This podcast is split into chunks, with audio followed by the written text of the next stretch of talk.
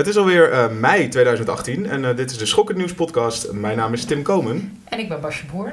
En aan tafel hebben wij Edgar Daarnhouwer van Paradiso. Hi. En we hebben Julius Koetsier. Hallo. Zoals het laat, was je de laatste keer er nou ook bij? Nee. Ja, uh, ja. Julius en Jasper. Nee. Oh ja, natuurlijk. Oh, ja. Toen ging we het over nostalgie hebben. Hey. Hey. Zo van Korsakov. Oké, okay, um, we hebben Imagine overleefd. Uh, sommigen hier aan tafel hebben Cannes overleefd. En toch gaan we het weer hebben over filmfestivals. Um, ja, dus daar... Het seizoen is net begonnen. Ja, het seizoen is net begonnen, ja. uh, daar straks meer over. En als eerst de muziek.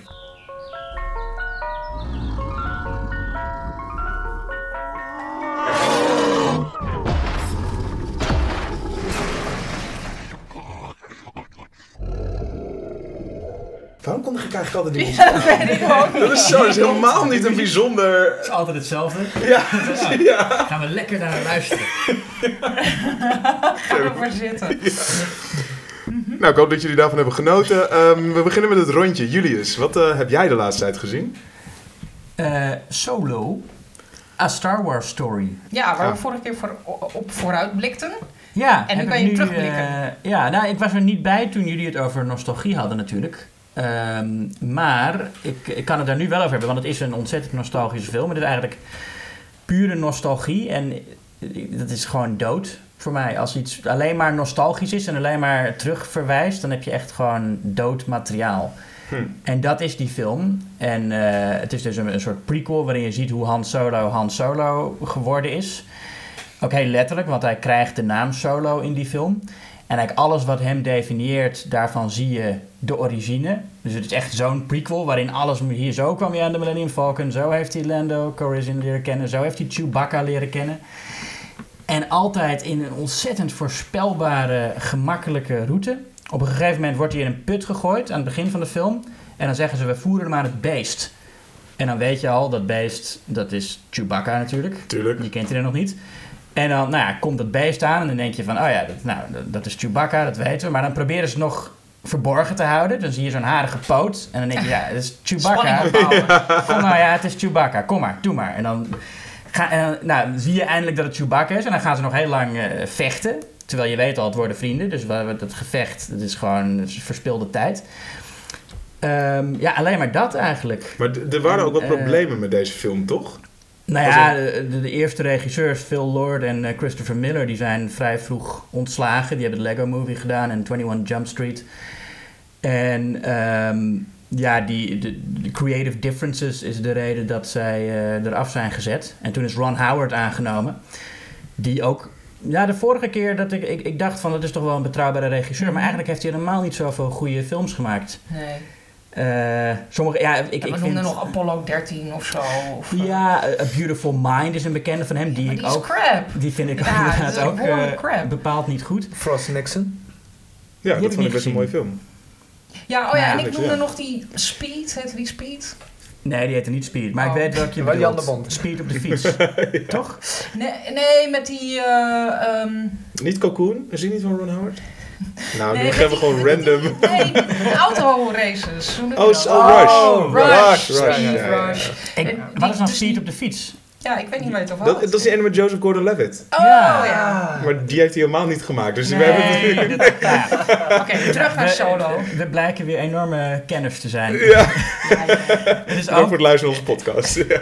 het is ook eh, een ontzettend lelijke film trouwens. Hij is echt helemaal grijs en, en, en grauw en donker. En alle scènes hebben maar één toon. Eh, eh, De scènes zijn, zijn echt puur donkerblauw of, of puur bruin of grauw. Er is helemaal nul contrast in. Ehm, nog veel erger dan, dan bij Marvel films van een paar jaar geleden. Ehm, en ik, ik snap ook niet echt waarom, want dat is helemaal niet de look die Star Wars heeft. Ja, maar ze wilde denk ik... Ik heb hem niet gezien hoor, maar ik heb het gevoel dat ze vol voor dat nostalgische wilde gaan. Ja.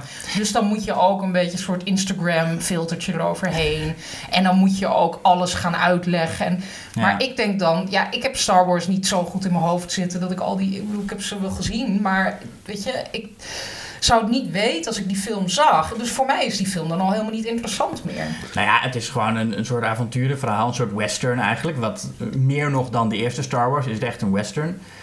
Ehm, Maar is het, is het gemaakt misschien voor niet-Star Wars fans? Voor mensen die de Nou. trilogie misschien zo goed kunnen doorzien. Nee, ik denk Ja, dus juist ook. wel, want het Ja. verwijst de hele tijd er naar terug. Ja, maar dat wordt dus Nou ook wel heel erg weer door je strot geduwd hoe het ook weer allemaal is ontstaan. Ja, maar die spanning van Chewbacca, dat, dat werkt alleen maar als je al weet dat ze later vrienden worden. Anders dan is het van, waarom wordt dit zo uitgerekend? Ja. Of in alle gevallen is dat eigenlijk de vraag.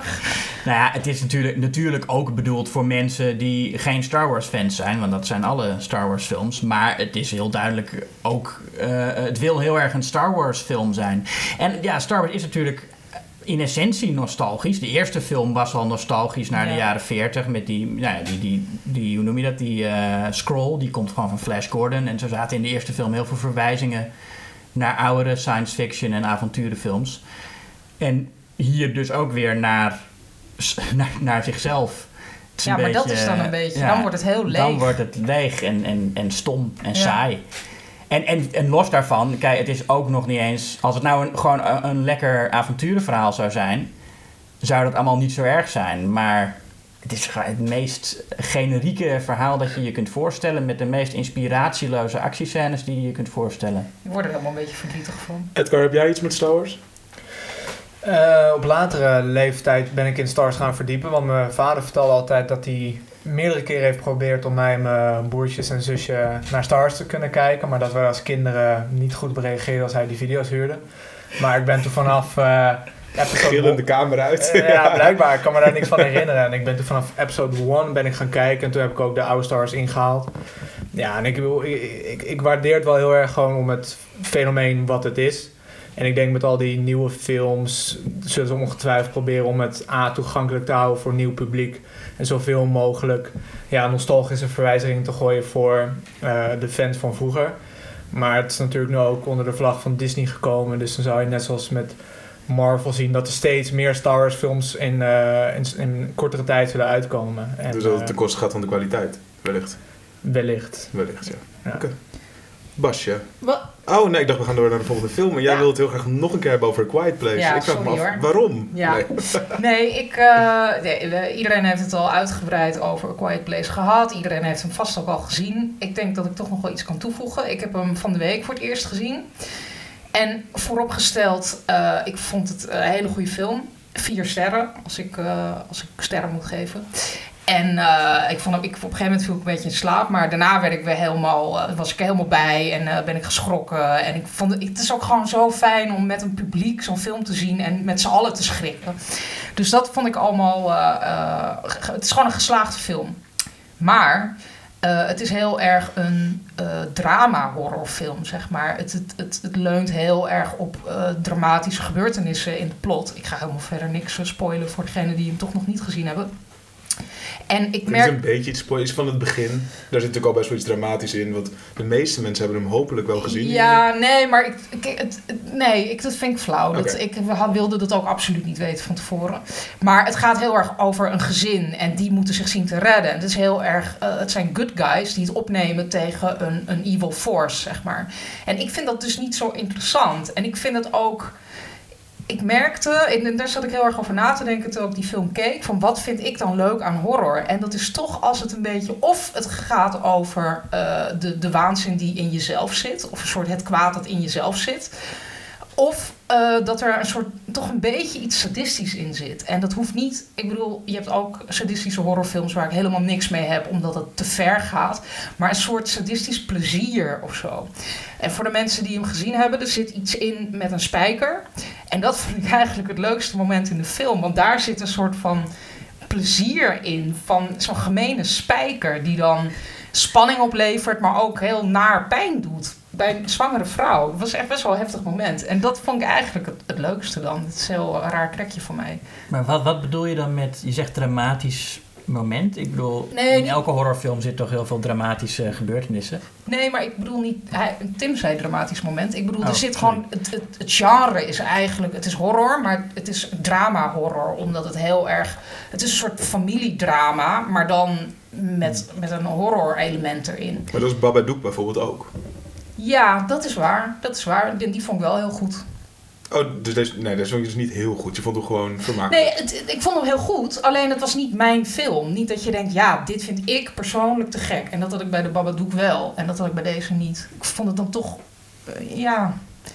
Te- ja, ik weet het niet. En de Babadook gaat dus wel over het kwaad in jezelf. En over een soort confrontatie ook met jezelf aangaan. En deze film is heel erg goede mensen die worden bedreigd in hun bestaan. En dat, dat vind ik dan een beetje plat of zo. Of gewoon niet zo interessant. Maar nogmaals, het is absoluut een geslaagde film. Een first-time filmmaker natuurlijk, eh, John Krasinski Ja. eh, heet hij. Eh, is zo'n film dan ook bij Paradiso? Heeft hij de revue gepasseerd? Hebben jullie kans gehad om A Quiet Place uit te brengen? Of werkt het niet zo? Eh, Quiet Place, die is bij ons nooit voorbij gekomen. Ehm, je hebt natuurlijk films die eh, gewoon via het studiosysteem worden uitgebracht. Dus dat zal in Nederland dan altijd bij, eh, via de majors gaan. Warner Brothers, Universal, et cetera. En je hebt dan ook nog een onafhankelijke manier van films financieren. En die komen wel bij alle onafhankelijke distributeurs voorbij. Hoe dat systeem werkt is dat in aanloop naar een filmmarkt toe, dat altijd plaatsvindt tijdens een internationaal filmfestival, zijn de Berlijn, Cannes, Toronto en de American Film Market in eh, Santa Monica. Eh, krijgen alle onafhankelijke distributeurs krijgen scripts toegezonden van de sales agents die de, eh, die, dat gaan, die de film gaan proberen te verkopen voor de producenten. Voordat het wordt gema is gemaakt. Voordat Ja. de film überhaupt is gemaakt, inderdaad. Want dat is gewoon een systeem. Zij bedacht hebben dat, nou ja, wij lezen allemaal zo'n script. Gaan op basis van de script al voorspellingen maken. Estimates, wat zou zo'n film kunnen doen in de bioscoop? Hoeveel geld gaat die maken? Dus wat hebben wij ervoor over om er aan te investeren? En dan heb je het over een minimum garantie, een MG, minimum guarantee. En al onze collega's die maken eh, dezelfde voorspellingen. En dan op zo'n festival, dan hebben we allemaal afspraken met die sales agents. En dan is er een vraagprijs, meestal heel hoog, te hoog, aan zo'n script verbonden. Nou, dan gaan mensen een bod uitbrengen wat zij denken wat, wat eh, zij ervoor over hebben. Uiteindelijk gaat er één distributeur met, exclusief met de rechten er vandoor voor het territorium. En als die sales agent voor genoeg territoria op de wereld de rechten verkoopt voor eh, genoeg MG, dan kan de producent vervolgens naar de bank toe stappen en zeggen: Kijk, ik heb zoveel distributieintentie, mag ik nu geld lenen om de film te gaan maken? Oh ja, dat is natuurlijk een voorschot inderdaad, ja. Ja. Die je dus geeft aan de filmmaker. Want zo'n filmmaker van A Quiet Place is natuurlijk wel first time. Je zou denken dat het een independent... wacht Hij is is, niet het is niet John Krasinski's eerste. Nee, nee ik heb ook Echt een, eh, nee, ik heb een andere film van hem gezien, eh, The Hollers. Maar die, ehm, heb ik, die heeft de Benelux nooit gehaald. Die heb, Oh. ik, die heb ik op een filmmarkt gezien. Ik dacht dat het echt zijn En, debuut was. Ja, dat dacht ik ook. Nee, nee. Nee. Hij en bovendien, nog voordat hij begon met regisseren, was hij bekend als acteur. Ja, van Ja, Het zou voor hem niet moeilijk zijn om... eh om Nee, maar je zou dan toch denken, het ziet, ik vind persoonlijk A Quiet Place eruit zien als weet je, wel, één locatie, kleine groep acteurs, als een independent film. Ja, maar klopt. Maar de, de- zijn regiedebuut, The Hollers, die, is, ja, die heeft bijna niemand gezien. Dus eh, Quiet Place voelt ook als zijn debuut, zeg maar. Ja, ja, ja. Ja, en ik vond het inderdaad een heel, heel, heel sterk debuut. ja Gewoon heel strak. Zeker. Ja. Ja, absoluut. En jij hebt laatst iets gezien on, eh, in Cannes.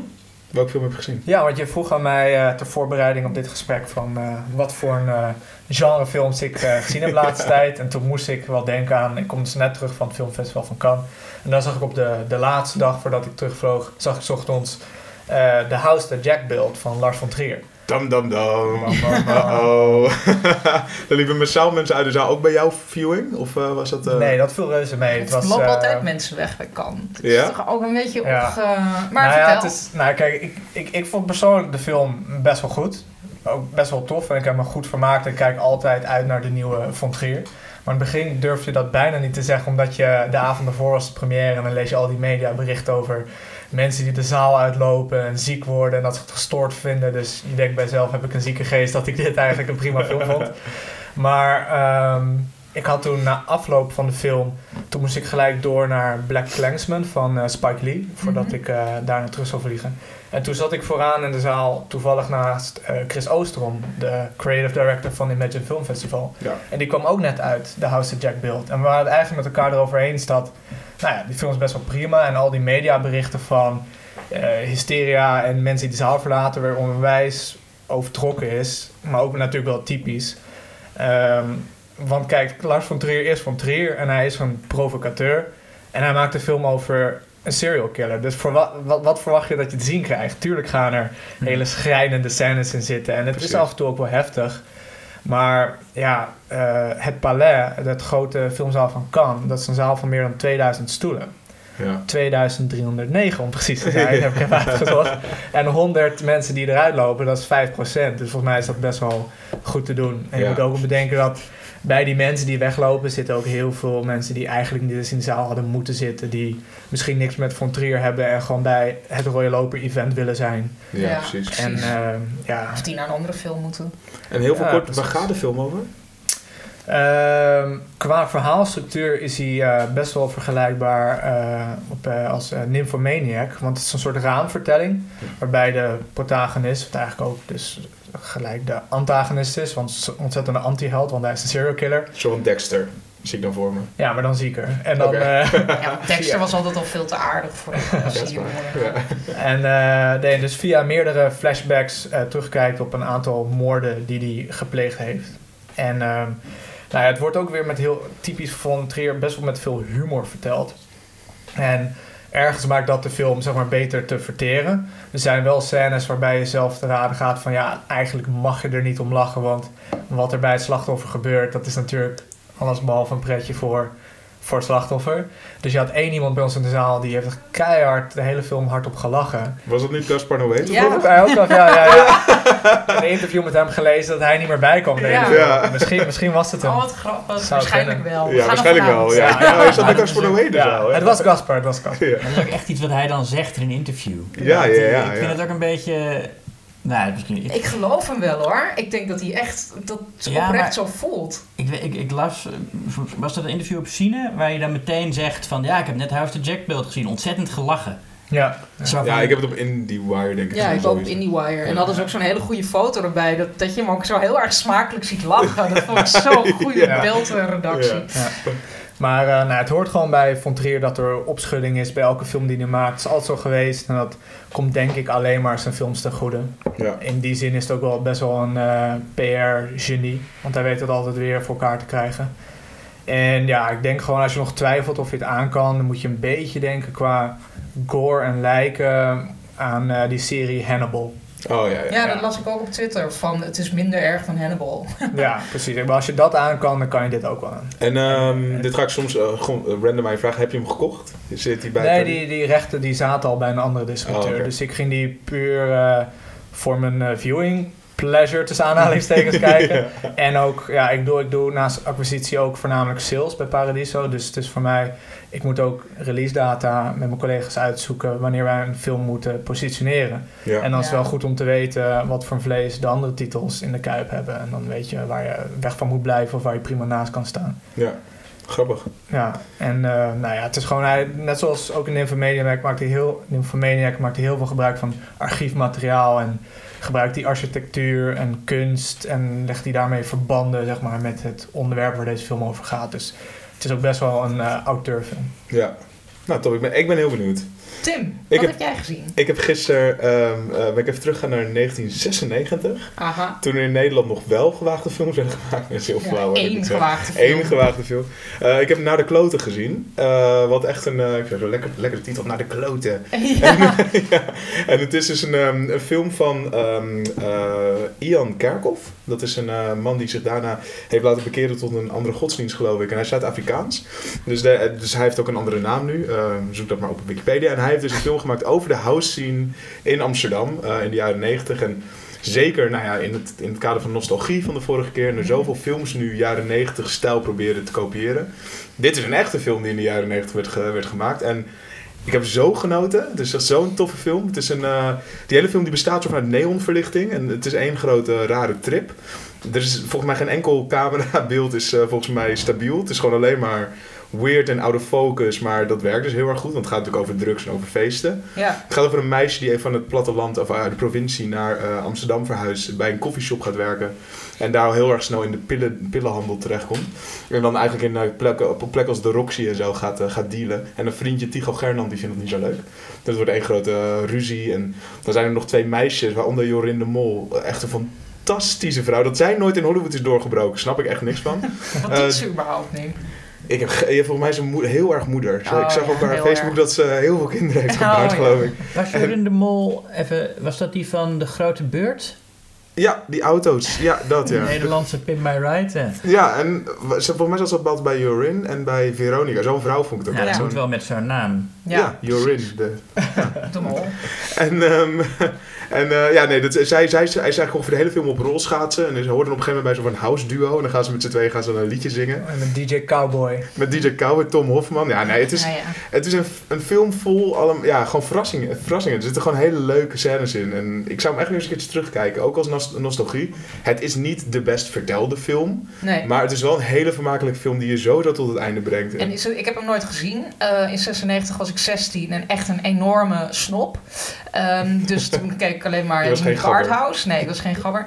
Ehm, en, eh, maar ik kan me voorstellen dat het echt een film is met rauwe energie gemaakt. En met heel veel creativiteit. En een soort van snelheid en, en eh, plezier. En dat dat de kracht is van de film. Ja, er zit, een, er zit één scène in waarbij eh, ze op, de, op een brug lopen. Tom Hofman en nou, niet de maar die andere vrouw op, op rolschaatsen.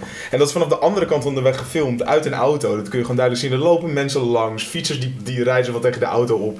Maar je volgt gewoon hun gesprek en je pikt het gewoon. Het is echt, het ziet er eigenlijk niet uit, maar het past zo goed in die film. Dat je gewoon dat soort lelijke keuzes, ah, het is aanhalingstekens lelijk, gepikt. Het is gewoon een, eh, een, een filmmaker die gewoon scheid heeft.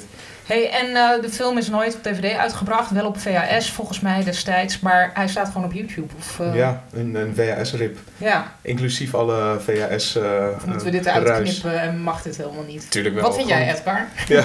Oeh, moet je inderdaad uitkijken als je naast een distributeur zit. Ja, maar hij heeft dus volgens mij is hij alleen op VHS uit en niet op DVD. En Volgens mij heb ik hem eh, toen der tijd op VHS gezien, inderdaad, ja. Ja.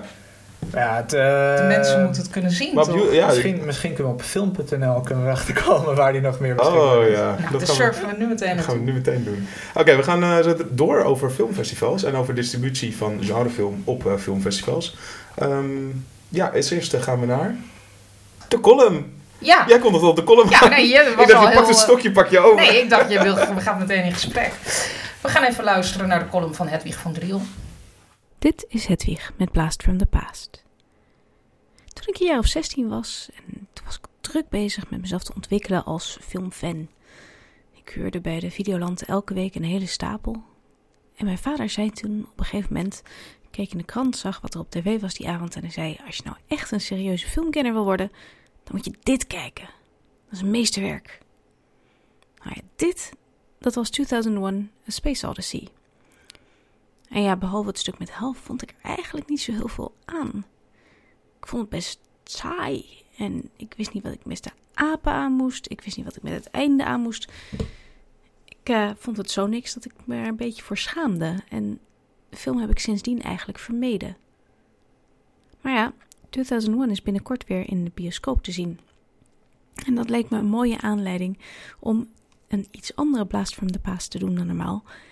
En ik heb dus 2001 opnieuw bekeken om te kijken of ik hem misschien beter zou vinden nu ik eh, ja, zo'n beetje twee keer zo oud ben. Nou, de eerste observatie. De vier stukken van de film zijn niet zo evenredig als ik me herinnerde. Het stuk met de apen dat duurt maar een kwartier. En dat is best mooi, want het is nog steeds best een lang kwartier. Het eindstuk dat duurt een half uur. En dan blijft er nog ruim een uur en drie kwartier over voor het stuk dat meer traditionele science fiction is. Dat is dat eerste stuk waar een man op weg is naar de maan. Want eh, op de maan is een rare monoliet ontdekt. En het tweede stuk, dat is dat stuk met hel. En dat is ook verreweg het eh, langste stuk. Nou spoilers, ik vond het ook nog steeds het leukste stuk. Nou ik ga die vier stukken even één voor één bespreken. Ehm, het eerste stuk is dus een kwartiertje met die apen. En dat is nu best wel gedateerd. Het zijn namelijk overduidelijk mannen in pakken. En het zijn hele goede acteurs, die mannen in pakken. Ze bewegen goed. Maar die maskers, dat is gewoon heel duidelijk een masker. En tegenwoordig zijn we zo gewend aan ontzettend gedetailleerde eh, CGI-apen die er levensecht uitzien. En eh, daarom is het nu een beetje apart. Nou ja, ik vond het stuk toen ik 16 was ontzettend vaag en saai. Dat vind ik niet meer. Ik heb eigenlijk eerder het omgekeerde. De boodschap van het verhaal ligt er wel erg eh, dik bovenop. Nou, die twee middelste stukken die blijven overeind, vooral omdat ze er zo verbluffend uitzien. Kubrick neemt zijn tijd, maar dat is op zich niet erg, want je zit met open mond te kijken naar alle composities en de shots. En eh, met die klassieke muziek eronder, daar had Erik het vorige keer over in zijn column, die het allemaal heel, ja, heel mooi maken. Waardoor het helemaal niet erg is dat je vijf minuten zit te kijken naar hoe een shuttle aankomt bij een ruimtestation. En er zitten ook nog steeds wel stukken tussen daar waarvan je je afvraagt hoe hij het voor elkaar heeft gekregen. En eh, het is altijd leuk als je die oude science fiction kijkt, uh, om te kijken wat ze zich wel en niet konden voorstellen van de toekomst. Kennelijk was het in de jaren 60 makkelijker om je voor te stellen dat je makkelijk heen en weer zou kunnen reizen naar de ruimte, dan dat er een lift zou bestaan zonder iemand om voor je op het knopje te drukken. En wat betreft Hal, ik uh, kan me niet herinneren dat ik op mijn zestiende film eng vond. Maar nu viel het me op dat dat stuk eigenlijk best horror is. Die uh, close-ups van dat ene rode oog, die ontzettend vlakke stem, het gemak waarmee hij uh, moorden pleegt. En het knappe is dat daarna zijn dood toch nog steeds een tikje ontroerend is. Nou, waar ik het meeste tegenop zag van de herbekijk, dat was uh, dat einde. En ja, de eerste 10 minuten, dat is echt, uh, wat mij betreft, een soort Windows screensaver. Ik zie er echt niet nut van in. Dus uh, het is misschien heiligschennis, maar die 10 minuten, die zouden er makkelijk uit kunnen knippen. Maar daarna, daar zijn nog die scènes waar, waar Dave, de astronaut, opeens in een kamer staat. En ik moet zeggen, de leeftijd heeft wel ervoor gezorgd dat ik dat beter op prijs kon stellen. Het gaat ook over ouder worden. En het is heel elegant gemonteerd. Want elke keer kijk je eerst vanuit Dave naar een oudere versie van hemzelf. En dan opeens, zonder dat je merkt precies hoe, is je perspectief versprongen naar die oudere versie. En die ziet dan weer een nog oudere versie van zichzelf staan en dan gebeurt het weer. Dat was me de eerste keer niet echt opgevallen. Maar nu is dat een van de dingen waarin je ziet dat Kubrick toch een ontzettend precieze regisseur was. Die heel opvallende dingen deed. Niet alleen met hoe hij shots framede, maar ook met montage. Ik ben nog steeds niet uh, helemaal overtuigd van 2001 A Space Odyssey. Mijn uh, lievelingsfilm zal het nooit worden. Maar visueel is het wel verbluffend en overdonderend. En als je die film nou eens voor het eerst wil zien, of nog een keer wil kijken na uh, zoveel jaar, dan is deze nieuwe release in de bioscoop een buitenkansje om optimaal van het spektakel te kunnen genieten. Dit was Hedwig met Blast from the Past. Terug naar de rest van de podcast. Dankjewel, Hedwig. Ja, en dan gaan we nu uh, gaan we praten over filmfestivals. En misschien, dat, uh, ik dacht, misschien kunnen we even beginnen met een rondje van het tofste filmfestival waar, we ooit, waar jullie ooit zijn geweest. Julius. Oh jee. Uh, ja, laten we toch ook met de klok meegaan. Ja, dat is waar. Nou ja, kijk, ik, ik ben nog nooit op een festival in een ander land geweest. Als ik even... Nee, inderdaad niet. Nee, dus dan is voor mij gewoon Imagine uh, mijn lievelingsfestival. En dat is niet zozeer om... Dat is gewoon om, om, om uh, hoe lang ik daar al naartoe ga en de gevoelens die ik daarbij heb. En ook omdat ik er elk jaar een paar heel goede films tegenkom. Ja, ik, ik vind iets als IFFR, dat is gewoon niet mijn festival. Daar zullen ook wel, uh, ik bedoel, daar, daar zijn natuurlijk ook heel veel goede films. Maar dat is voor mij... Uh, niet helemaal voor jou weggelegd. Nou ja, sommige van die films vind ik heel goed. Maar ik vind wel, ik vind wel wat ik wel stom vind, dat is misschien een, een soort raar zijpad. Maar uh, dat, de, dus hun, ze hebben niet al, alleen maar goede filmzalen bij IFFR. Het is, is zo groot. Ze zitten ja. nou ook in zalen die gewoon een, een, theater zijn, waar dan een scherm is opgehangen. Hoe heet het ook weer? Um, de oude Luxor. De oude Luxor. Ik heb daar dus, was de eerste keer dat ik er was, Phantom Thread gezien. Oh, ja. dat, dat, dat, ze hiervoor durven een volledig, uh, de volledige prijs van een filmkaartje te vragen. Terwijl je zit gewoon te kijken in, in, in een toneelzaal waar een filmdoek is opgehangen. Ja. Waar je gewoon... Uh, Hoe was het geluid? Ja, is ook niet al te best. Oh. Ja, IFFR is gewoon heel groot. En ik denk ook wel eens van, moeten ze niet iets, weet je, niet steeds groter willen worden, maar misschien iets kleiner? Nou, ik, ik vind als je zo'n film in zo'n zaal vertoont, dat vind ik eigenlijk niet acceptabel, dat je hm. daar dan de volle prijs voor vraagt. Ja. Edgar, kom jou op IFFR? Ja, ik kom daar ieder jaar. Het is ook een filmmarkt, hè, maar een kleintje. Ja, het is, nou, ik vind IFFR in Berlijn gewoon heerlijk om het festivalseizoen mee uh, te starten. Ik kom bij beide heel graag. En leg even uit, het begint dus altijd uh, rond februari, toch? Het festival. Precies, ja. En dan, uh, je hebt natuurlijk daarvoor zit ook nog Sundance, maar daar gaan bijna geen Nederlanders naartoe. En dan begint het allemaal met IFFR. En dat is gewoon even uh, ja, lekker, lekker warm worden, goed allemaal bij elkaar komen. Sommige meetings kan je daar al in hebben vooraf aan Berlijn. En het is ook gewoon een festival om genoeg in te halen en nieuw te kunnen zien van ook andere Sundance.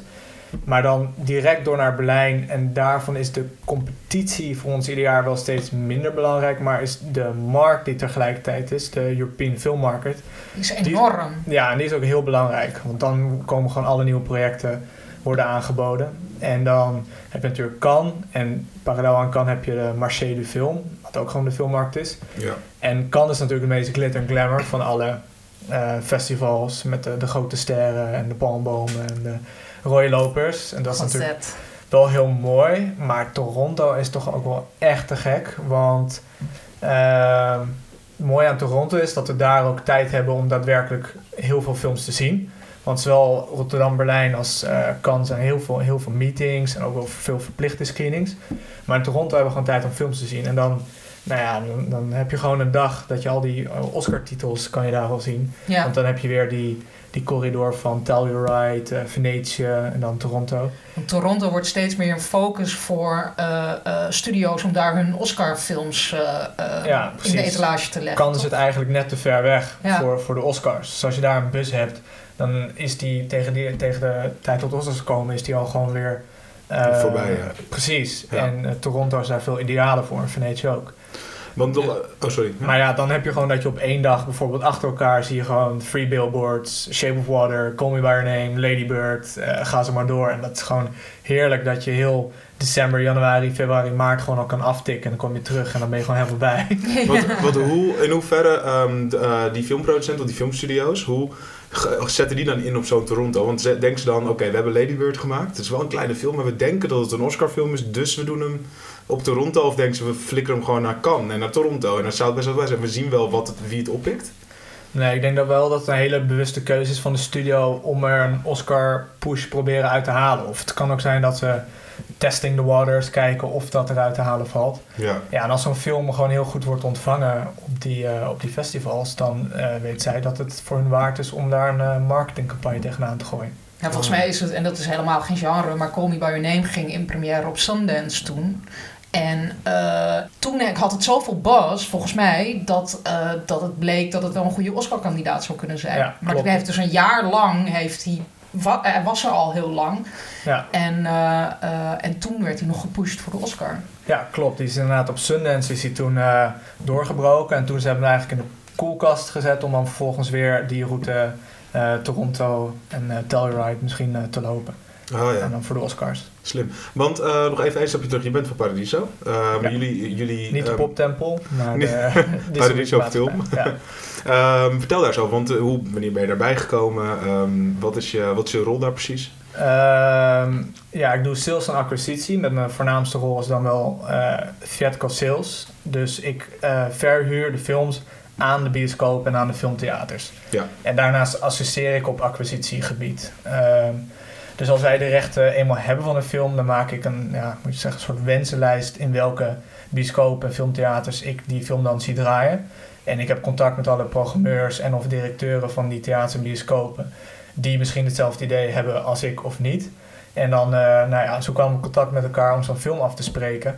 En het is niet gewoon dat je een film de markt in gooit in elke bioscoop die hem wil draaien en je ziet wel waar die landt. Ja, Nee, er zit gewoon een heel idee achter van waar ga je hem positioneren. En er komt heel veel ja, emotie en politiek en eh, eh, financiële motivatie bij kijken. Dus dat is heel veel onderhandelen. En, eh, Onderbuikgevoelens. ook, inderdaad, zeker. Want, want jij hebt bijvoorbeeld Brimstone is een van jullie titels. Dat is natuurlijk een genrefilm. Ja. Kun, kun, kun je daar dan een klein beetje aan daarvan, hoe is dat, dat dan bijvoorbeeld gegaan in Nederland? Dit staat nog even buiten filmfestivals, maar ik ben even benieuwd naar.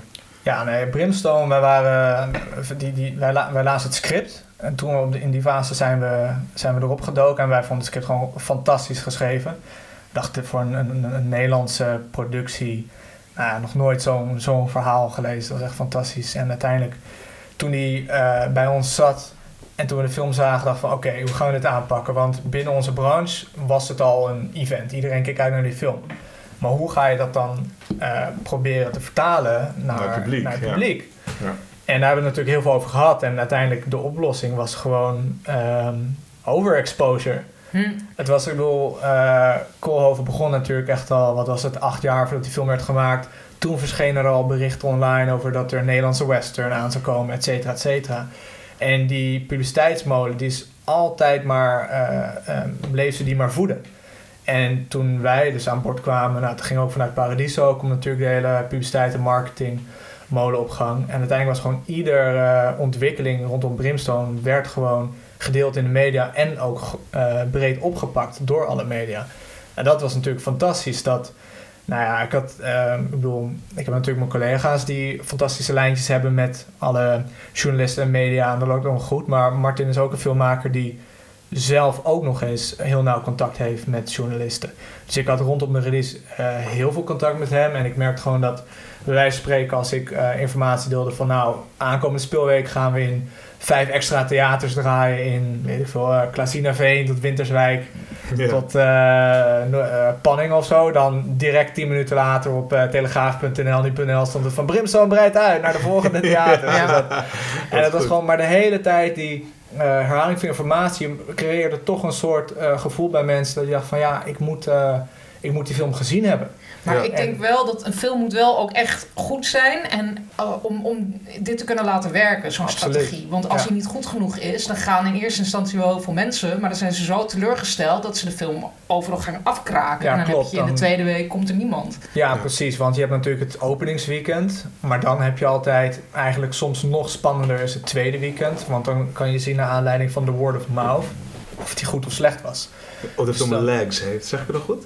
Precies. Ja, om mee weg te rennen. Oh ja. Dus Ja. richting je geld. en en eh, Brimstone die bleef constant of die werd zelfs soms eh, groter. Dus ook het aantal bioscopen bleef uitbreiden. En ja, ik krijg dan ook wel van de, van de theaters krijg ik feedback van hoe het publiek erop reageert. En ik kreeg gewoon, ja, gewoon fa- fantastische reacties.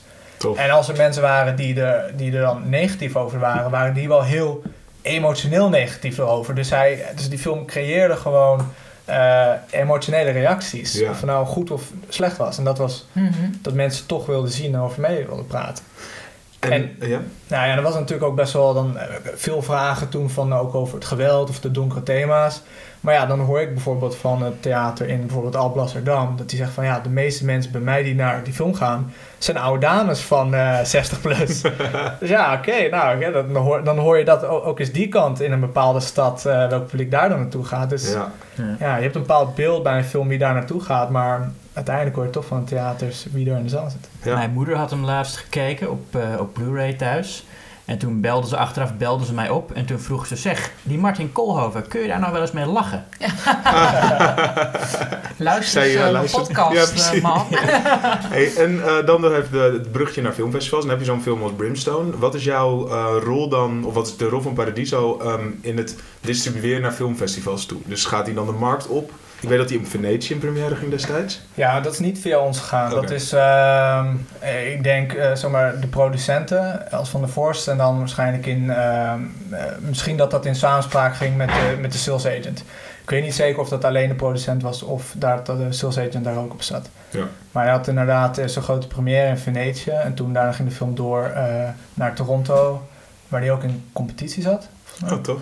Eh, als ik me dat goed herinner. En eh, dus dat was het lanceermoment. Ja, en daar heb je dus niet zoveel... Je hebt niet in Toronto ook Brimstone... eh, Nee, mijn, eh, mijn publiciteitscollega die is naar Venetië gegaan en die was daar wel uh, druk bezig geweest rondom uh, de dag van vertoningen. Ook natuurlijk omdat er veel interviews gepland stonden met uh, Nederlandse en Belgische media. En in Toronto, daar waren wij dan en toen hebben, daar hebben wij uh, redelijk weinig voor de film hoeven doen, want dat werd allemaal geregeld door het festival zelf. Oh, ja. Dus we hebben, zijn ze meerdere keren tegengekomen, hebben een hele mooie tijd gehad, blij dat hij zo goed ontvangen werd. Maar daar hadden wij uh, weinig omkijk naar. Ja. En heb je ook wel eens contact, even misschien dat mensen dat ook wel leuk vinden, weten met de sterren uit de film? Um, nou ja, soms heb je wel eens natuurlijk bepaalde sterren dat je die overhaalt naar Nederland. Zoals bij de Brimstone première hadden we Dakota Fanning.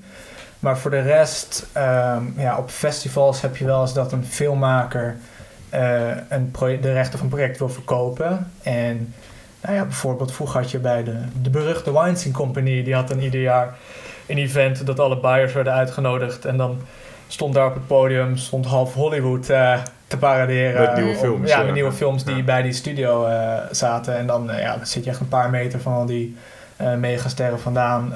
dus dat is een, een tof gezicht. Maar wat cool is dat regisseurs die, die die, komen dan een praatje maken, bijvoorbeeld met, met, met de buyers, om over het project te gaan hebben. En dan zo, ehm, er was er wel een kan-anekdote die... Het is best een leuke anekdote, maar voor mij valt die niet zo goed uit. Oh, Vertel, we zijn benieuwd. Ik zal het proberen kort te houden. Ehm, We hebben alle tijd. je had de editie dat, eh hoe heet die Leonardo DiCaprio film, eh, ehm, die remake van eh F. Scott Fitzgerald eh, boek. ehm, The Great Gatsby. precies, Ah, The Great Gatsby was, was de openingsfilm. Ja. En eh, ik ben niet iemand die per se eerst het boek hoeft te lezen voordat hij eh, de film ziet. Maakt niet uit, maar dit was dan zo'n grote Amerikaanse classic. Ik denk, hier moet ik dat wel gedaan hebben. En het was ook nog eens naar aanloop van Cannes dat we dus tientallen scripts per dag krijgen doorgestuurd. Dus het kwam ook niet eens goed uit. Ik heb toch het boek gelezen tussendoor. En toen was ik in Cannes. Het was voor mij de dag na de opening. Heeft zo'n film dan een, eh, een rerun in de zaal de Soissons En ik had die dag niet zoveel op het programma staan. Dus ik denk, oké, ik ga die film kijken. Wat natuurlijk eigenlijk geen prioriteit was, want hij ging daarna ook uit in Nederland. En filmrechten waren niet meer beschikbaar. Maar het kwam zo uit binnen mijn programma. Dus ik zit in die zaal. En de film start. En binnen 10 minuten krijg ik een belletje van mijn managing director. die ik normaal gesproken altijd zal opnemen. Om te kijken of het dringend is. Maar in deze zaal kan je niet naar buiten lopen om even de telefoon op te nemen en terug. Als je uit- buiten staat, dan ben je buiten. Ja, ja, ja. En door de film heen praten vond ik gewoon iets asociaal. Dus ik denk, nou ja, ik bel direct na de film terug. Komt wel goed, want vandaag is een rustige dag. Dus ik kom uit die film, die zo-zo was. ja. Ik bel, eh, ik bel terug en hij neemt op en zegt van... Ja, sorry, eh, te laat man. Eh, we hadden net een meeting met eh Martin Scorsese, eh, wat Oh. 45 minuten duurde. Fuck. En ik wilde vragen of je erbij wilde zitten. oh. Fuck! en dat, was om, eh, dat ging om eh, Silence, die, Oh, film ja. die wij uiteindelijk ook hebben uitgebracht. En daar was Scorsese dus overgevlogen naar Cannes om eh, met eh buyers te, te Hij, spreken. hij haat het om te vliegen. Is dat aan zo? Ja. Ja, Oh ja? Ja. Ah, En, en wa- was het een, was een lieve man? Kun je, kun je een beetje lachen met Scorsese? nou ja, ik zelf heb hem dus nooit ontmoet. Maar mijn managing director, die, eh, die, die, eh, die kan het heel goed met hem vinden. En die delen ook een eh, passie voor geschiedenis allebei. Dus je Oh, had ja. het over New York, wat eerst New Amsterdam was. Zat alleen maar anekdotes uit te wisselen. En toen was Martin Scorsese zo onder de indruk. Toen zei hij van, weet je wat? Eh, aan het einde van het verhaal in Silence zit een Nederlandse eh scheepvaarder. Hm. En hij dacht van, ja, jij hebt wel een beetje eh, die leeftijd en het eh, type haar wat ik daarbij Ter denk. plekke gecast. Ja, en, eh, en mijn collega heet Dirk. Zei van, weet je wat, Dirk, ik bied jou nu die, die rol aan Ja. in de nieuwe Scorsese en film. toen? Kan je naar Taiwan komen? En dan, dus nou ja, eh, Dirk, ja, tuurlijk, afgesproken, deal. Dus die eh, komt uit, het, eh, uit die Oh. meeting en die vond het helemaal leuk. Nou, in de nieuwe Scorsese. Ja. Jij had ook een scheepsjongen kunnen zijn. Als Ja. je niet bij, bij Ja. Bas had gezeten. Ja. Precies, precies. En toen op de crosset van Cannes kwam die eh, René Mioch en Dirk Zelenberg tegen. Oh, en oh. hij schoof, eh schoof bijna aan, helemaal gezellig. En zegt van, nou, ik krijg net een rol aangeboden in de nieuwe Scorsese. Uh-oh. En eh dus René Mioch en Dirk Zelenberg vonden het helemaal geweldig. Maar Dirk Zelenberg zegt tegen andere Dirk, wacht eens even, maar jij bent geen acteur. Ik ben acteur, dus eh, zou ik die rol mogen spelen? Waarop onze Dirk zegt van, ja joh, tuurlijk, weet je wat, geen probleem. Bij deze, jij hebt nu de rol. Waarop Dirk Zelenberg vervolgens op Twitter ging met, hey, ik krijg nu een rol aangeboden in nieuwe Scorsese. Oh. En waarschijnlijk dat René, René dat ook retweette. En de volgende dag in alle Nederlandse kranten en media stond... Dirk Zelenberg krijgt rol aangeboden in de nieuwe Scorsese.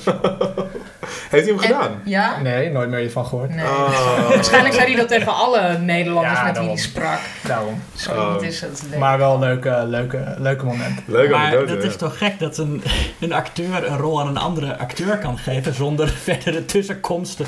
Oh, jij heet ook Dirk, zou ook Ja, zijn. Ja, eh. en- en dat Ja, kan maar dus is ook gewoon een grappig tweetje Ja, nee, dat veel te serieus wordt genomen. Of Ja. weet je, mensen willen ook gewoon dingen. eh, weet je, journalisten die, die, ja, die willen daar dan iets mee. Ja, dat, uh, tegenwoordig alles direct retweeten. Dus daar Ja. ging helemaal geen, eh Geen filter over. nee, geen filter overheen. Het stond gewoon gelijk. Maar ja, wel mooi hoe, hoe snel dat werd opgenomen. Heel tof. Nee. Hey, en Basje, jij hebt ook bij een distributeur gewerkt.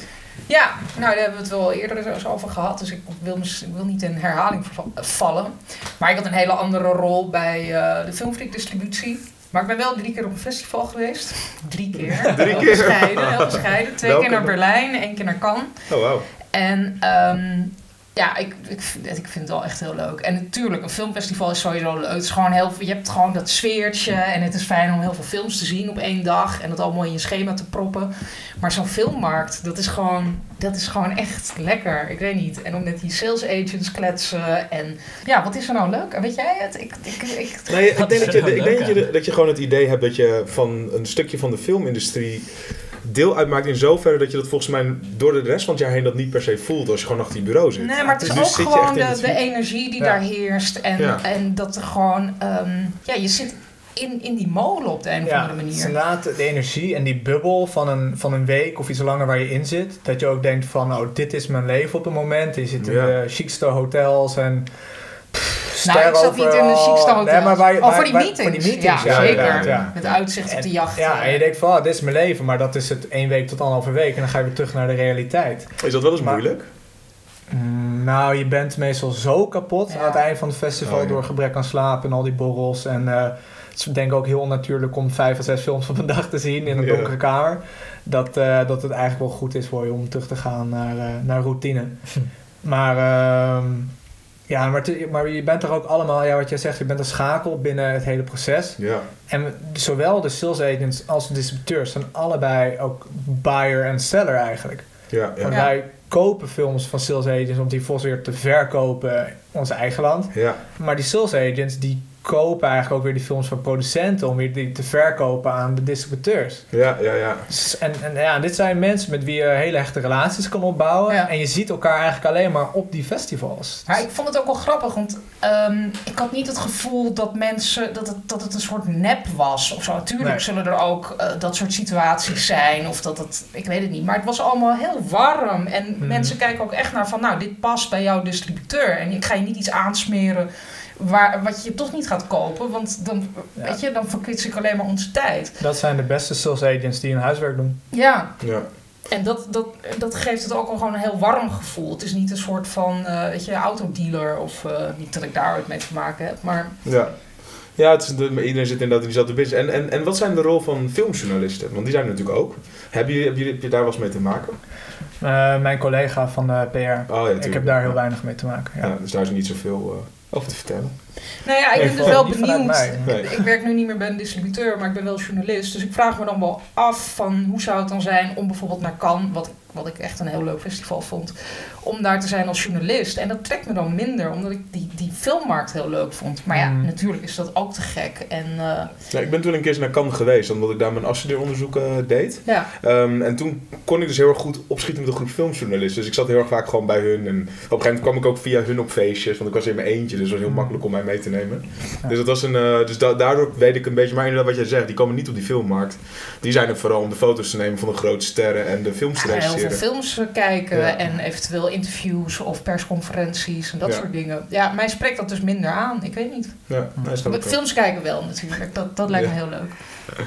En ehm, wat, wat, zijn, wat, is een, wat, wat is nou het verschil tussen de filmfestivals? Dus je hebt inderdaad Cannes en Toronto, dat heb je nu net al een beetje uitgelegd. Dan heb je ook Mhm. nog een, heb je A, A en B festivals, als het goed is. Hoe? Of, Ja, die heb je. Maar ja, wij- wij komen op de A-festivals, want daar is waar de business gebeurt. En gebeurt het wel dat er op een B-festival een doorbraak is qua hit? Dat je denkt van, oh kut, maar dat zouden wel films zijn die goed bij ons zouden passen. Nou, ik, ik- in theorie zou het voor kunnen komen, maar ik heb dan wel het gevoel dat heel veel mensen binnen de schakel niet hebben opgelet. Oh ja? Ja, van waar, waarom, waarom zit hij daar en waarom zit hij niet eh, op een hoger platform? Ja, dus het is Ja. gewoon verkeerd aangeboden door een sales agent bijvoorbeeld. Ja, of, of, of, of de, ja, De. Distributeurs hebben liggen slapen.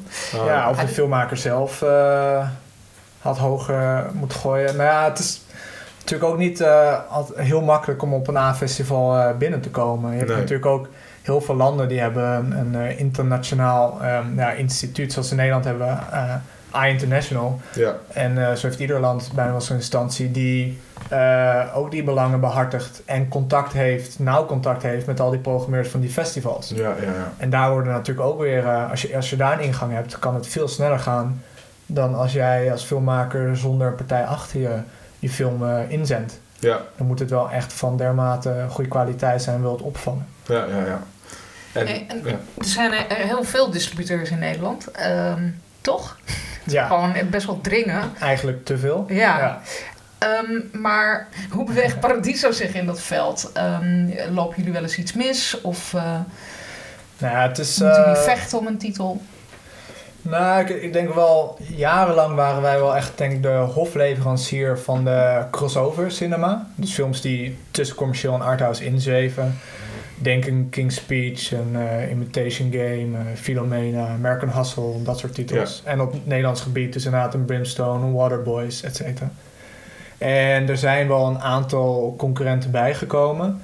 En ook verschuiving die ik waarneem is dat wel eh, meer van dat soort titels tegenwoordig wereldwijd worden daar de rechten van opgekocht door de majors, die voorheen dit soort titels lieten liggen.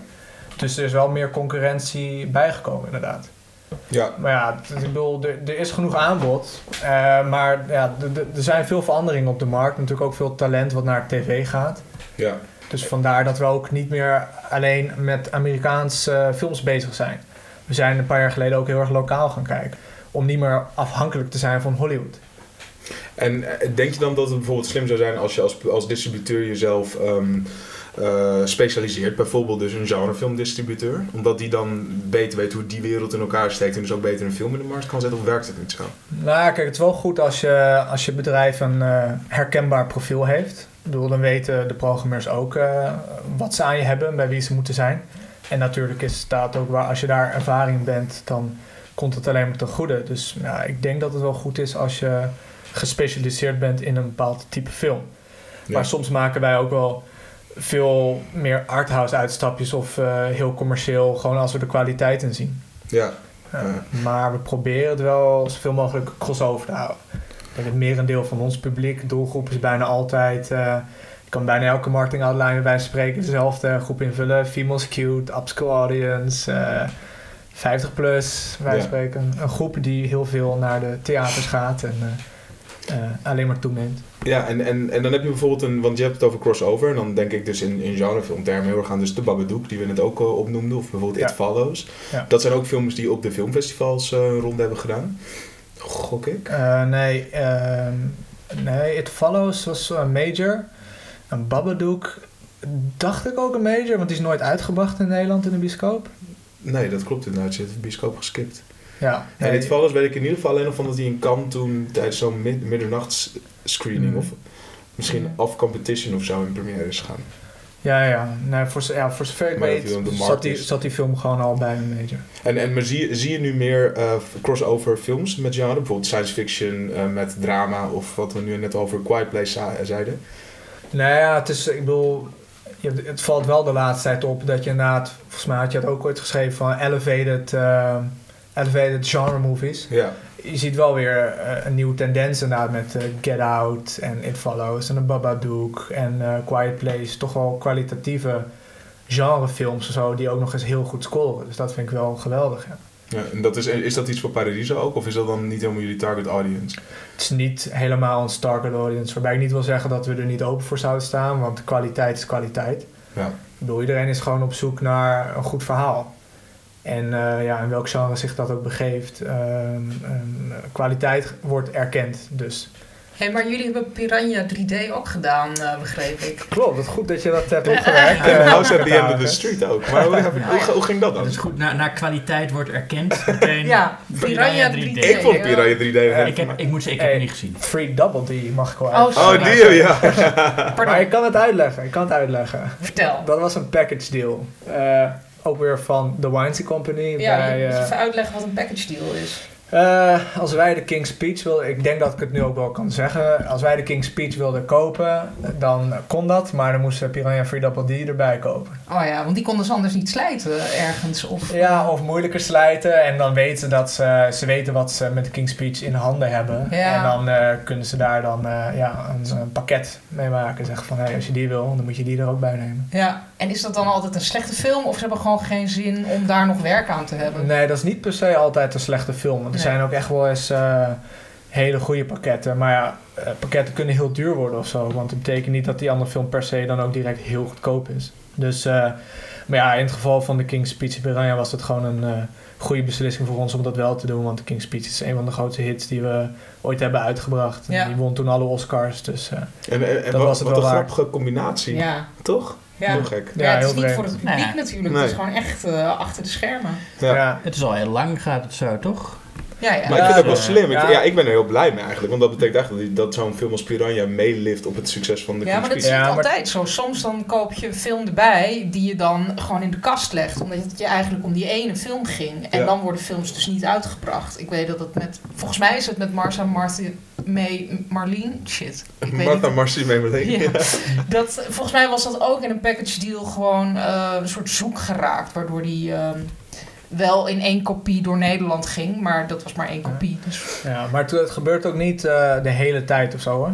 Het Nee. is, eh, nee, het is eh, eens in de zoveel tijd heb je dat. Maar misschien dat het vroeger vaker voorkwam. Maar ik heb de laatste tijd niet meer zoveel gehad. Nee, oké. Wat grappig. Nou ja, en je had nog wel dvd-titels die je dan erbij kreeg. En dat is denk ik veel minder. Nee, de DVD-markt die, eh, ja, ik wil niet zeggen dood, maar die, eh, die is wel dermate, ja, die is wel dermate teruggelopen dat, eh, dat is een treurige zaak. En je hebt natuurlijk video on demand, dat komt wel eh, meer op, maar nog niet in het tempo eh, waarmee DVD en Blu-ray eh, zat. Dus eh, we zijn wel een beetje terug naar een systeem, bij wijze van spreken jaren 70 of zo model, waarbij je in de bioscoop moet proberen je geld terug te verdienen. Of Ja. in ieder geval zoveel mogelijk. En, en Netflix bijvoorbeeld, die, die, eh, die wordt niet altijd geaccepteerd op festivals. Eh, als in, daar, zijn, daar is altijd vooral vorig jaar heel veel gezeur over geweest. Ja, afgelopen jaar. Ja. Wat is, jouw, eh, wat is jouw mening daarover? Ja, ik, ik, ik vind het allemaal best. Ja, bijvoorbeeld Toronto, daar, daar kan, eh, zit Netflix wel gewoon. En dat is wel, ja, voor, mij is het sowieso de kans om dan die film wel op het grote doek te zien als ik daar ja, ben. ja. Maar ja, ik, ja ik, ik, ik zelf vind het allemaal prima. In Cannes was het volgens mij ook dat de Franse distributeurs gewoon het festival onder druk hadden gezet. En daar kwam voornamelijk het eh, protest vandaan. ja. Ja, zij wilden gewoon een Franse release zien in de bioscoop. Dus daardoor was dat zo'n eh, probleem in Cannes. Ja. Ja. Ja. vind ik ook heel logisch. Maar eh, er moet wel een soort consensus gevonden worden. Want Netflix is er nou eenmaal. En eh, ze staan eigenlijk aan, de, aan dezelfde kant, Kan en Netflix. Dus ze, ze zullen toch daaruit moeten zien te komen, lijkt Ja. mij. En het gaat ook wel lukken. Hey, en eh jullie, jij zit bij het BIT Festival, las ik, op Ja. Facebook. Hebben jullie ook een filmmarkt? of, eh, N- Nou, nee, Bud is, is helemaal niet zo'n eh, distributeursfestival als kan bijvoorbeeld zeker is. Wat, hoe Eh, lang bestaat BIT nu? Wat vertel eens zo? Eh, dit is de dertiende editie. Echt, En- wat grappig. ja. Ik heb er wel een paar jaar, hoor ik er wel over. Ja, het is, een 13 heel, het is een heel klein, eh, eh, gezellig festivalletje in Breda. Waar, ehm nou ja, BUD staat voor B-Movie, Underground en Trash. Wat eh, als ik distributeurs en regisseurs benader om een film van hun te kopen die mij geschikt lijkt, willen ze nog wel eens stijgeren. Want het is helemaal geen trash, het is helemaal geen... Ik heb, we hebben daar en daar prijzen gewonnen. Eh, maar goed, eh, het is, het is natuurlijk niet zo dat alles wat wij laten zien slecht is. Wat, wat we willen laten zien zijn genrefilms met een, met een edge, zeg maar. Eh, innovatieve dingen. Meestal low budget, meestal eh, ja, indie of in elk geval niet eh, al te groot. Maar goed, het is, het is echt een publieksfestival. Wij zijn niet een festival waar eh, Nee. heel veel eh, eh, mensen zoals eh, Edgar naartoe komen om te kijken wat ze gaan inkopen. Nee. En het zijn korte films ook. Of vooral... Ja, we hebben, ook een korte filmcompetitie. Ja. Oh ja, ja, dat daar kan ik het inderdaad vooral van. wanneer is het? Het is eh, vanaf 31 augustus tot 2 september. Oké. En het, eh, ja, ik ben nog niet klaar met het programma, dus daar Nee, kan ik nog niks over vertellen. Nou. welke locatie in Breda? Eh, meerdere. Ehm, God, ik, ben, ik, ja, ik woon niet in Breda, dus ik vergeet eh, de namen van de bioscopen. Dat is misschien... eh, Uh, Chassé eh, Theater? ja, ah, ja, Chassé, dat Ja, zit erbij. ja. Excuses aan mijn eh Bredaanse collega's. Ja, het is teleurstellend dit. Ja. En uh, Edgar, ik had nog een vraag aan jou. Want vind jij dat bijvoorbeeld het, Nederlands Filmfestival in Utrecht, zou dat een filmmarkt moeten hebben? Nou ja, het- het is, kijk, kijk, alle mensen uit de Nederlandse filmindustrie die komen daar. Dus in die zin is het ook wel een filmmarkt, omdat eh, ja, we hebben daar wel meetings allemaal met elkaar. Gewoon netwerk gebeuren. Ja, maar worden daar dus ook wel, want er zijn natuurlijk ook nieuwe Nederlandse films die nog gemaakt moeten worden, waarvan dan zo'n script al ligt. Daar loopt geen sales agent rond te wapperen met een script van de nieuwe Paul Nee, van in, de in, Oest, nee, in bijvoorbeeld. Nederland liggen die lijntjes allemaal veel korter. Oh ja. eh, distributeurs, producenten, filmmakers, Zie je iedereen. gewoon in de supermarkt. Ja, bij wijze van spreken of bij de première van de film of bij, ja, ik bedoel, alle kantoren zitten op een paar meter afstand bij elkaar vandaan. Dus dat, dat, dat zijn deals die het hele jaar door worden gemaakt en die niet per se eh, gecentraliseerd zijn rondom het festival. Maar het festival is wel een ideale plek om bij elkaar te komen en eh, ja, Nee. verdere deals te sluiten. Ja, er, zijn, er worden natuurlijk niet heel veel genrefilms in Nederland gemaakt, maar jullie hebben dan Brimstone gedaan. Eh, nu komt Catacombe, die komt uit. En dat is Ja. eigenlijk ook alweer een beetje een genrefilm. Dus misschien dat jullie nu wel de onofficiële genrefilmdistributeur van Nederland aan het worden zijn. Oh my god. Oh my god. Ja, nee, is, lekker. eh, ja, dat die 13 september komt die uit in de bioscoop. En ehm, ja, ik zou het kunnen omschrijven als een duistere thriller. Daarom, genrefilm. Ja, van Een, ja. eh, ja, gaat over een profvoetballer, Jermaine Slachter. En die probeert in de, in de, in de catacombes, de kelders van de voetbalstadions... eh, uit de handen te blijven van Chinese matchfixing. ja. En daarnaast heeft hij ook nog een eh, gokverslaving, wat natuurlijk alles alleen maar escaleert. En dat is het regie- eh, solo-regiedebuut van Victor Ponte, die natuurlijk hiervoor Rabat eh, co-geregisseerd heeft. En het zijn ook de makers van Wolf. Dus dat is wel een titel waar eh, wij heel erg naar uitkijken om te lanceren. Toch, Ja. want wat, wa- even een vraag aan de hele tafel. Vinden jullie Wolf, is dat een genrefilm? We hebben, wij hebben het toch nooit echt bekeken, maar het is wel een, eh, redelijk een, een misdaadthriller. Ja, absoluut. Ik heb hem niet gezien, maar ik weet dat het een misdaadthriller is. En ik vind dat altijd, ja, dus het is niet, ja, thriller is altijd lastig. Hè? Het is niet echt schokkend nieuws, maar het is natuurlijk wel een genrefilm. Ik vind dat het er wel bij hoort. Ja.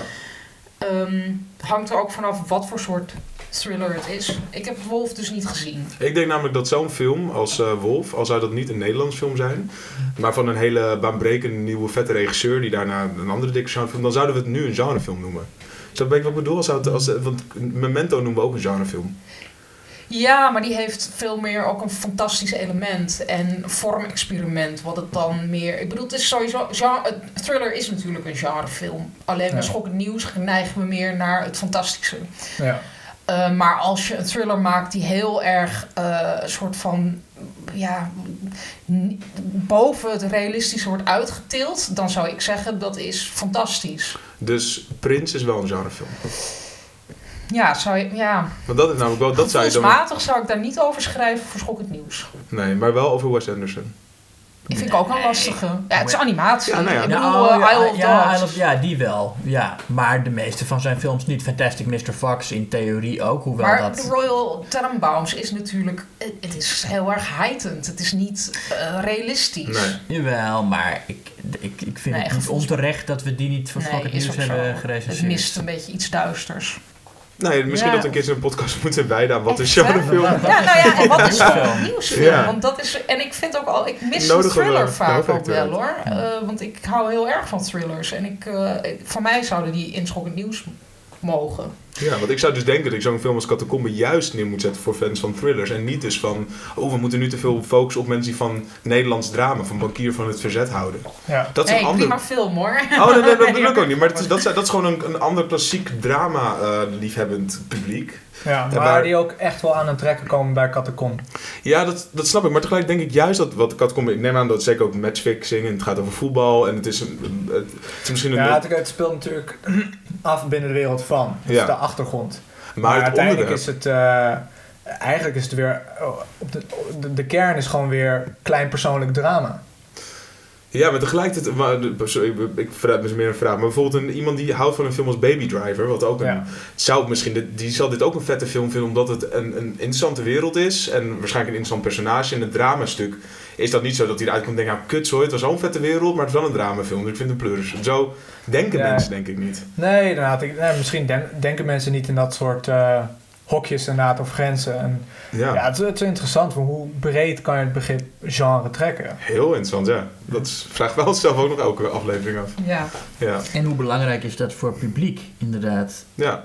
Want dat is wel... Ik denk dat het bij film toch wel minder relevant is dan bij muziek bijvoorbeeld. Mhm. Waar je echt mensen hebt die zeggen... Ik Dit luister alleen eh, ja. echte heavy metal of echte underground hip-hop of Ja. wat je ook maar luistert.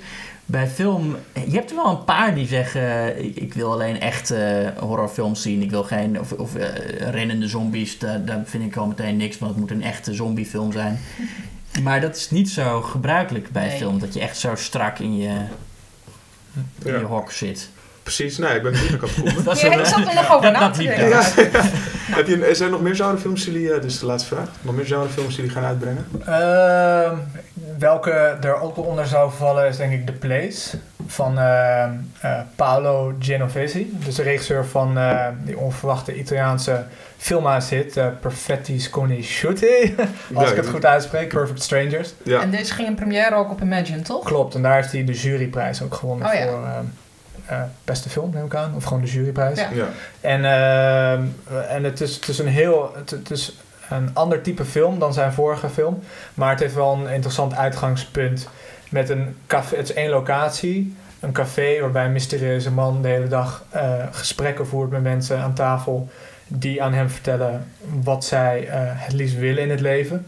En hij heeft een soort mysterieuze boek waar hij dan in leest wat die mensen moeten doen om die wens in vervulling te zien gaan. Hm. En wat zij moeten doen is meestal ethisch onverantwoord. Dus de vraag is van hoe ver zou je gaan om je grote wensen in vervulling te laten gaan. Het is eigenlijk de Italiaanse quiz van Dick Maas.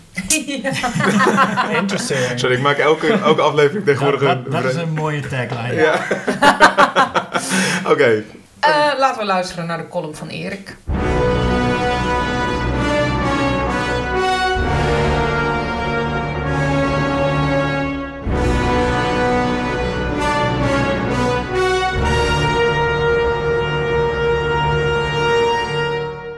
Podcast van februari liet ik je mijn alternatieve top 5 met horror soundtracks horen. Dus prachtige horrorthema's die vaak net zo mooi zijn als de klassiekers, zoals Halloween en The Omen, maar die je gewoon niet zo vaak tegenkomt in al die andere lijstjes op internet en in filmbladen. In deze aflevering is het de beurt aan science fiction. Dus geen Star Wars of Star Trek of Terminator, hoe prachtig die thema's ook zijn. Maar vijf science fiction soundtracks die je waarschijnlijk niet kent, maar die absoluut de moeite waard zijn. Op nummer 5 Starman van Jack Nietzsche. Starman is een van die zeldzame films van John Carpenter waarvoor hij zelf niet de muziek schreef. In plaats daarvan huurde hij componist Jack Nietzsche in, die destijds vooral bekend was vanwege zijn muziek voor An Officer and a Gentleman, waarvoor hij ook wat prijzen gewonnen had. De muziek van Nietzsche is net als veel andere soundtracks van Carpenter elektronisch, maar heeft wel zijn eigen unieke sound. Het hoogtepunt is het prachtige melancholische hoofdthema. Mijn favoriete versie is de bewerking van Nick Rain uit 1998, uitgevoerd door een orkest met een groot koor.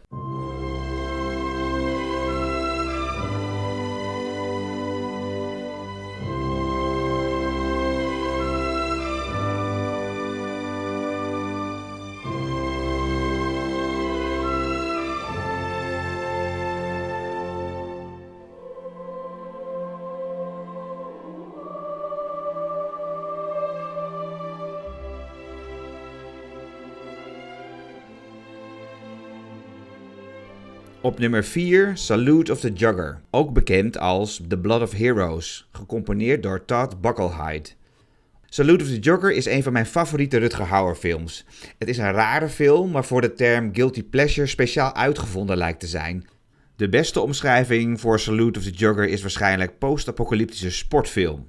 Het is het regiedebuut van David Webb Peoples, die vooral bekend is als scenario-schrijver. Zo schreef hij de scenario's voor Blade Runner en 12 Monkeys.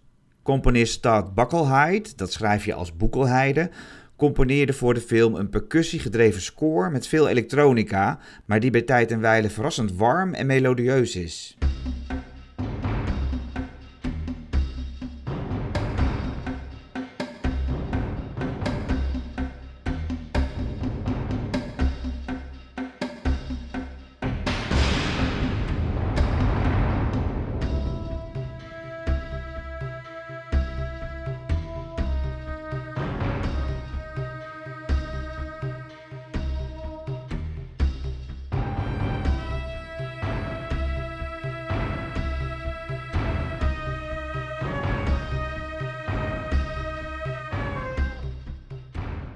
Op nummer 3 Monsters, geregisseerd door Garrett Edwards en met muziek van John Hopkins. Monsters is totaal andere koek dan Godzilla en Rogue One, die Edwards daarna regisseerde.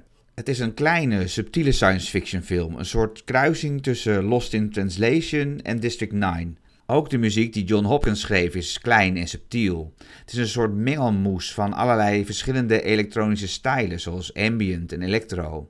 Hoewel er hier en daar ook wel wat duistere en atonale passages tussen zitten, is het grootste gedeelte van de soundtrack melancholisch, soms zelfs spookachtig en heerlijk om naar te luisteren tijdens een lome zomermiddag.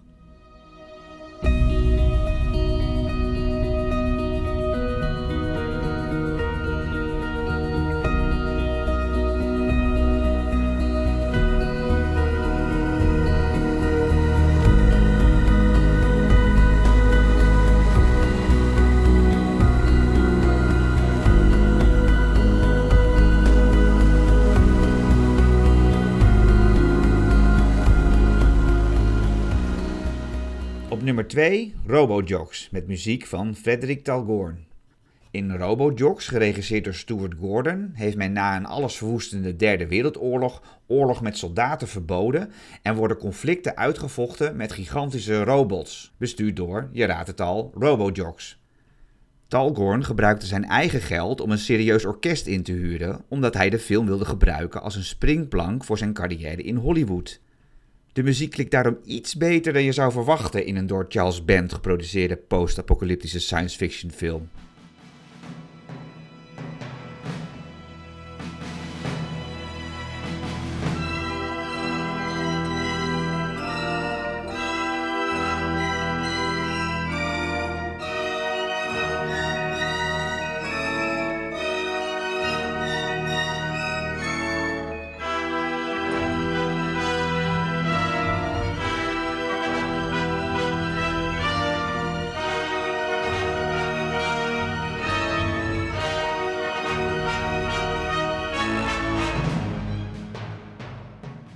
Tenslotte op nummer 1 Jupiter Ascending, gecomponeerd door Michael Giacchino. Jupiter Ascending is wat mij betreft een van de beste science fiction soundtracks aller tijden. En zeker het beste dat Giacchino tot nu toe heeft gecomponeerd. Helaas flopte de film en daarmee raakte ook de soundtrack een beetje in de vergetelheid. Jupiter Ascending is bombastisch in de beste zin van het woord. Groots en mislepend, zonder dat het ook maar ergens herrie wordt.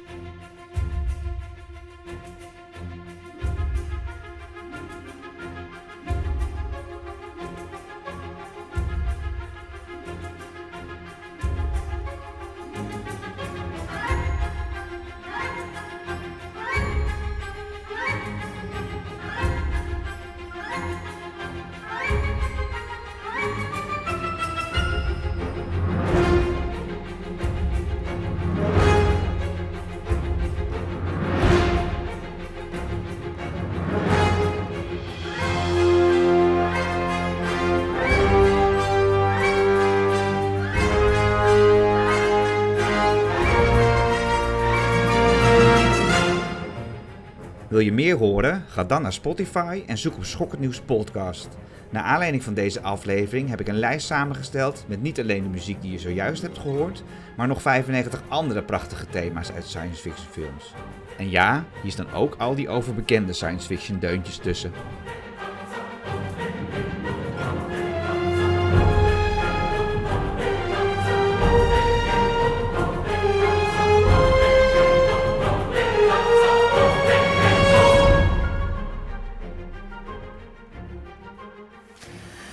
Dankjewel, Erik.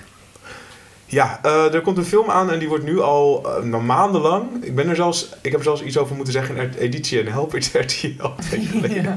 Al maandenlang aangekondigd als de aller, aller, allerengste film aller tijden. Nou, We hebben het natuurlijk over Hereditary. ja, ik heb er wel heel veel zin in. Ehm, maar ik, ik ga er gewoon meteen eh, vol in. Ik heb er heel veel zin in, maar niet omdat ik denk dat het de engste film ooit is. Maar gewoon omdat ik denk dat hij heel erg goed is. Gewoon een hele goede film. En waarom dan? Want het is weer, weet- eh, nou dat lijkt wel een thema deze aflevering, maar een familiedrama met horror. Ja, maar volgens mij, met, ik, ik vertrouw niemand die je in die trailer ziet. Ik heb het idee dat iedereen super eng en raar is en eh, dysfunctional, zeg maar. Dus dat, dat, daar hou ik van. Dat vind ik lekker. Gewoon allemaal gekken die gewoon... Ja, dat het, het kwaad huist volgens mij in die familie. Hoe kan, ehm dit is meteen een hele andere vraag, hoe kan Toni Collette nou altijd zo'n neus hebben voor dit soort rollen? Want ook toen de Sixth Sense... Ja, Ja, maar zij kan ook heel eng kijken. Ja, maar bijvoorbeeld de Sixth Sense, dat is natuurlijk dat was de eerste van Shyamalan en daar zat zij gewoon in. En nu Ja. weer de, dit regiedebuut van Ja, maar Ari Is, is, Aster. dat, is Sixth Sense niet ook... Shyamalan had daarvoor volgens mij ook al eh, minder goed Ja. ontvangen films gemaakt. Ja, echt? Oh. Het thema in deze podcast is dat jij denkt... ik, ben, dat, ik, ben, eh, ik, ben die, ik ben diegene die debuutfoutjes maakt Ja. in deze aflevering. Maar wat, ehm, ja, dat zou kunnen hoor. Nou ja, Dat- dat even tussendoor. Nee, Maar- maar, zij is gewoon... eh, en, en het is ook niet per se horror. Hè? Het zijn ook een soort van beetje indie films waar zij dan in zit. Ehm, en, en daar is zij heel geschikt voor. Ja, want deze film, kun je een beetje vertellen waar het over gaat? Ik heb geen idee. Oh, ik heb alleen de trailer anders? heel vaak gezien. Ik heb, ik heb expres de trailer niet gekeken, omdat het een van die horrorfilms is waar ik een soort van compleet blanco in wil gaan. Ja. Ik heb alleen maar opgevangen van engste film sinds tijden. Ja. Dus Ja. ik ben wel heel benieuwd. Ja, in de papieren Schok het Nieuws staat een interview met de regisseur. Ja. Dat is even... Dan moet je dat blad kopen. Ehm, maar het is inderdaad wat jij zegt. Nou ja, jij zegt een familiedrama met horror-elementen. Dat is natuurlijk The Exorcist ook. En The Ja. Shining. En weet je, heel veel goede horrorfilms zijn... Wat je, zou, je zou het drama's met horror-elementen kunnen noemen. Ja. Voor mij is dat gewoon een horrorfilm. Ja. Ja, maar ik heb het gevoel dat dit heel verknipt is. En The Quiet Place is echt heel erg een soort van... Clean, Een familie die bij elkaar wil... Die, ze houden allemaal van elkaar. Ja. En Ugh, dat, ik haat mensen die van elkaar houden. Nou, best wel een beetje. Nee, ik vind het heerlijk dat dit gewoon is zo... Ja, het voelt echt als een hele fijne, verfrissende, Film. Frisse film. Ja. Nou, die Ari Aster, die regisseur, die heeft eh, een aantal kortfilms gemaakt. Ik weet wel zeker dat dit zijn debuut eh, featurefilm is. Eh, en een van die films heet eh, The Strange Thing About the Johnsons. En die staat op YouTube. En ik, ik raad jullie allemaal aan om even te gaan kijken. Het gaat ook over familie. Het gaat over een familie. ja. Het is een, eh, het is een film van ongeveer 30 minuten. eh, over een eh, zwart gezin waarbij ehm, eh, de jongen ehm, herhaaldelijk eh, eh, eh, zijn vader verkracht. Oh. En dus Wow. ook gewoon echt heel vaak, eh dan zie je dus die vader dan weer heel zielig in een kamer zitten. En dan komt die jongen weer binnen en hij is Oh, gewoon nee. echt een, he- een hele enge guy. Ah, nee. Maar het feit ook dat het een zwart gezin is, is ook een heel interessante keuze. Maar daar heeft hij ook echt over gezegd in interviews. Van, ja, dat was nooit ter, weet je, dat was nooit ter discussie. Dat was gewoon hoe ik de film voor me zag. En daar heb ik helemaal niet, daar wilde hij helemaal geen racial ding mee maken. Waar ik ook weer heel erg Hij, van hij hou. is eh, wit? Ja, het is gewoon een witte man. Ja. Oké. En, eh, Gewoon een witte man. een, gewoon, een gewone witte man.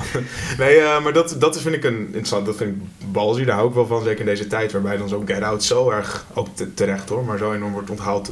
Om dat soort dingen vind ik ook dat de films gewoon gemaakt moeten worden. Omdat het gewoon zo is. Ehm, en, en, maar natuurlijk het thema dat die jongens zijn vader heel vaak verkracht is best pittig.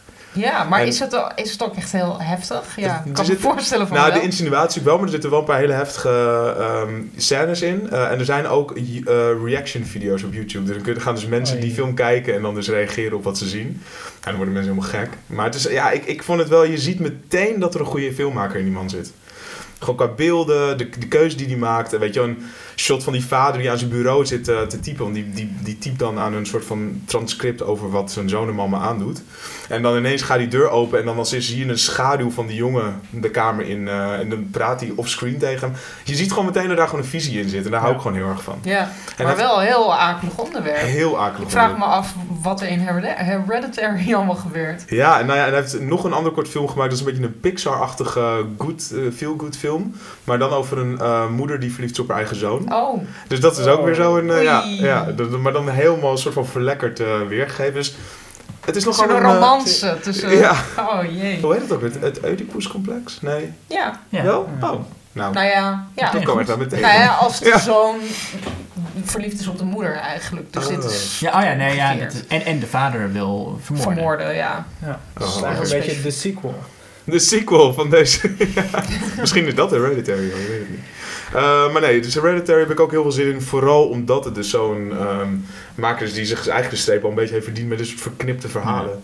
Het is niet zoals bijvoorbeeld die regisseur van It Follows die als eerst een, een, een, een leuk eh, familie, een soort van comedy maakte met tieners. Nou, het was Deze- een eh, soort coming-of-age film. Ja, dit is wel wat het andere, Ja. andere leveltje. Ja, nee, ik ben ook echt heel benieuwd. Het, de trailer voelt inderdaad ook heel verknipt. Zonder dat ik dit wist. Jullie- Ja, ik wil, ik wil me niet te veel beïnvloeden door die, te laten beïnvloeden door die, door die hype eromheen, want dan ben ik bijna altijd teleurgesteld. Ja, wat Dus jij ik, ik zei probeer eigenlijk. er met, eh, met enige, hoe noem je dat? Enige, met enig pessimisme in te gaan, zodat het alleen maar goed kan worden. Want ik geloof wel dat het een heel goede film is, maar als iets zo gehyped is, dan kan het eigenlijk alleen maar tegenvallen. Nou, dat is niet altijd waar. Soms dan kan je juist heel lekker op een hype en dan, ga je, ah, dan gaat het, wordt het alleen maar beter en beter. Dat heb ik ook wel eens, eh, moet ik Dat is, ja, dat heb ik ook wel eens. Want jij zei wel meteen naar de trailer. Meteen. Ja. Maar- Ja. Ik weet nog wel dat de trailer uitkomt, toen hadden wij het even over jullie, en ik. En Ja. toen eh, zei hij van ja, maar volgens mij zijn er gewoon alle, alle vetste beelden al in de trailer te zien. En is nou ja, dat is heel vaak zo met trailers van eh, dat soort films, toch? Ja.